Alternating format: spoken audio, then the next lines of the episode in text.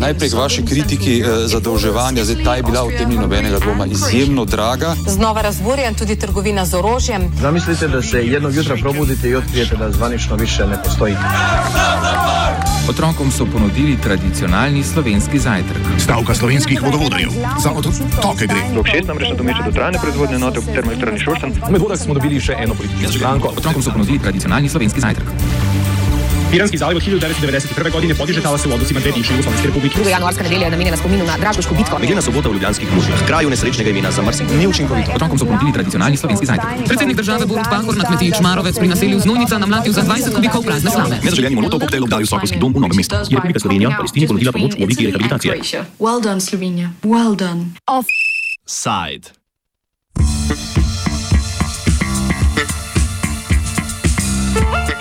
Sladki upi ormoških kmetov.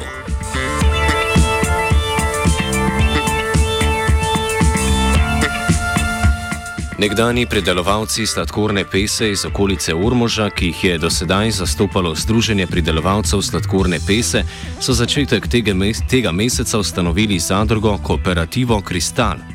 Preko nje bodo skušali po zadnji letini sladkorne pese v letu 2007 ponovno zagnati proizvodnjo sladkorja v Pomurju.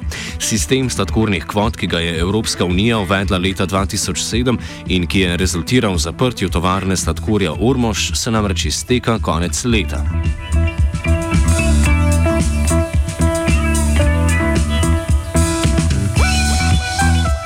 Evropska unija je reformo kvot pridelovanja sladkorja sprejela leta 2006, potem ko so jo Brazilija, Tajska in Avstralija pred Svetovno trgovinsko organizacijo obtožile prekomernega in subvencioniranega izvoza presežnega sladkorja in s tem nepoštenega vplivanja na svetovni trg.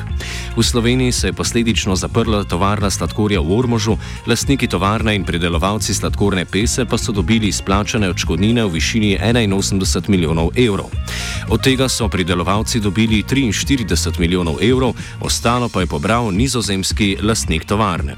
Odškodnina je bila vezana na velikost zasejane površine v zadnjem letu pridelave, ki so jo kmetje povečali iz 5200 hektarjev leta 2005 na 6700 hektarjev leta 2006. Ob opustitvi pridelovanja je Slovenija pridelala 43 tisoč ton sladkorja letno, kar je znašalo več kot tri četrtine domače porabe. Od takrat pa tako bel sladkor kot surov pesni in trsni sladkor uvažamo. Po podatkih iz leta 2014 največ belega sladkorja uvozimo iz Nemčije, Srbije in Mačarske, največ surovega pesnega sladkorja pa iz Polske, Hrvaške in Avstrije.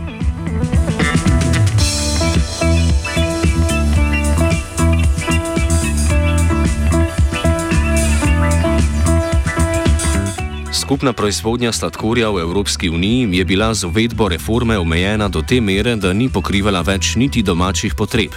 Kakšen je bil cilj reforme, pove Miroslav Kosi, predsednik Združenja pridelovalcev sladkorne pese in predsednik novo ustanovljene zadruge Kooperativa Kristal. Cilj je bil zmanjšati pridelavo. To je bila eh, želja enostavno te Evropske komisije. Vendar se je zgodilo naslednje da je seveda v nekaterih državah se pač taka odločitev, kot se je sprejela in med takimi, da preneha s pridelavo vla Slovenija. E, vendar se je pa pridelava sladkorja v državah, katere so e, seveda nekatere starejše obrate zaprle, pa proizvodnja povečala. Tako da verjetno je bila skozi moje ugibanje ali tudi rezultati tako kažejo, nekatere proizvajalke sladkorja enostavno pridelajo več nekatere pa manj ali nič.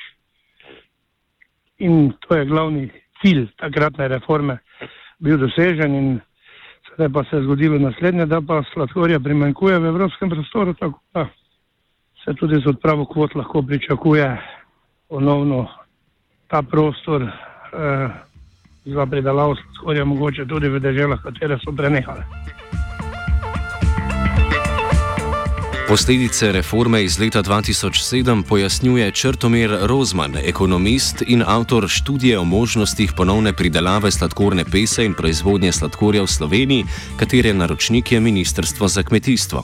Posledice te reforme, pač okoliščine so bile takšne, da so imeli večje, večje države proizvajalke sladkorne pese si ustvariti monopol preko reforme, pač s pretvezo, da želijo preseliti proizvodnjo sladkorne pese v države, kjer je, kjer je bojda bolj učinkovito glede predelkov, digestij in vsega ostalega, kar, kar je sicer delno, delno, delno držalo, ne pa v popolnosti. Če je zelo poenostavim, je šlo za to, da so nam revnejšim državam pač vzeli pravico do pridelovalne, do pridelovanja sladkorne pese, pač pridelava je seveda ob vseganju pogojev zelo donosna, ne? in potem z reformo v letu 2007 jim je to uspelo. Posledice za slovenski prostor so bile, predvsem za poljedelski kolobor, izrazito negativne, ravno tako pa je to kljub očkodninom, ki so jih kmetje sicer dobivali, imelo negativni vpliv na dohodkovni položaj samih pridelovalcev sladkorne pese. Nekaj posledic, ki so bile vidne v Sloveniji, našteje tudi kosi. Jaz bi kot eh, posledico lahko na prvem mestu izpostavil, da smo izgubili primeren kolobar poljedelske, v poljedelski pridelavi, predvsem nadomestne krme za govedorejo, predvsem za izgubo tega potencijala v pesnih rezancih. E, so sicer bile za ta namen pridelovalcem izplačane tudi neke očkodnine, ki pa bi verjetno si jih lahko zlahka poračunali, če bi nam pridelava ostala.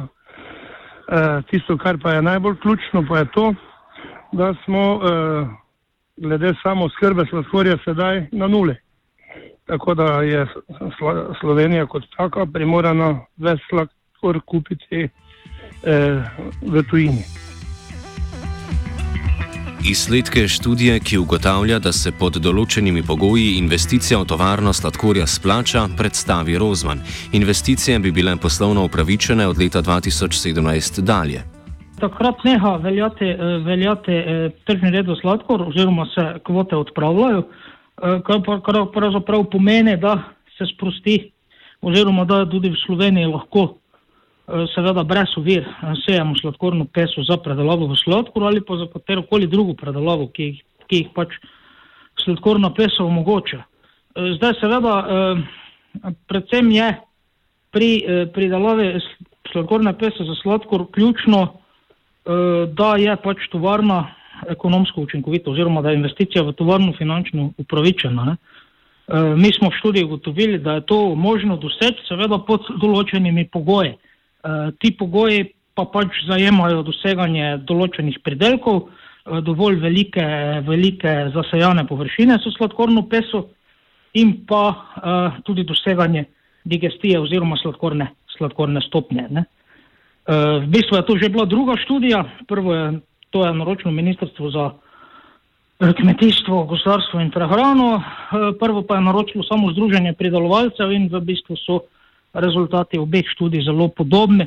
Razlika je samo v tem, da smo pač pri tej drugi študiji razpolagali z nekimi znanstvenimi članki, ki so dejansko projicirali, eh, projicirali ceno sladkorja po, eh, po, po, eh, po, po padcu kvot. Država v tovarno ne more investirati, lahko pa jo podpre preko svojih inštitucij. To bi tudi posledilo strategiji razvoja podeželja, v kateri smo si zadali cilj, da povečamo samo oskrbo. Ta je pri sladkorju trenutno zaradi kvot nična. Ponovna vzpostavitev proizvodnje pa brez državne podpore ne bo lahka. V novičen zagon tovarne bi namreč, ukolikor bi ta stala na mestu bivše tovarne sladkorja, zahtevala vložek v višini nekaj čez 150 milijonov evrov. V primeru iz izbire druge lokacije pa bi, po oceni študije, katere avtor je naš sogovornik, ta znesek narasel na več kot 200 milijonov evrov. Kako bi torej lahko zagnali tovarno sladkorja? Nadaljuje Rozman. V bistvu bo, recimo, če govorimo o sladkorju kot takem, oziroma predelavi v sladkor, bo brez tujih investitorjev zelo težko karkoli, eh, karkoli narediti, ker pač kmetje sami niso dovolj kapitalsko sposobni za izvedbo takšne, eh, takšne investicije. Nekdani pridelovalci rdeče pese so se tudi po napovedi opustitve kvot v letu 2017 znašli brez ustreznega zastopništva, ki bi zagovarjal njihove interese v odnosu do države in morebitnih vlagateljev. Zato so zdaj ustanovili zadrugo. Ker pa je združenje bilo organizirano po zakonu o družbi, seveda ni neki verodostojen sogovornik ostalim mm, partnerjem, smo s tem namenom seveda, seveda to obliko organiziranosti eh, spremenili oziroma eh, organizirali sedaj ali pa registrirali zadrugo. S tem, kakšni bodo nadaljni koraki zadruge, ki je imela ob ustanovitvi 25 članov, konča kosi. Seveda, zdaj, eh, po registraciji bomo seveda eh, konkretni operativni načrt pripravili, novo izvoljeni upravni odbor, ga potem tudi objavili eh, na, eh, eh, za javnost in pozvali tudi zainteresirano javnost, koliko ima interes se vključiti, predvsem v zadrugo, predvsem tu tudi, mislim, pridel, potencijalne predelovalce sladkorne pese. In potem nekako tudi na osnovi tega, Eh, seveda eh, se eh, tudi aktivno vključevati v možnosti črpanja raznih virov, predvsem v začetku, ko je bo potrebno vložiti nekaj kapitala pri iskanju in lokacije, kakor tudi pridobiti neko resno pogajalsko moč v pogovori z potencijalnimi investitorji v pridelavo in predelavo.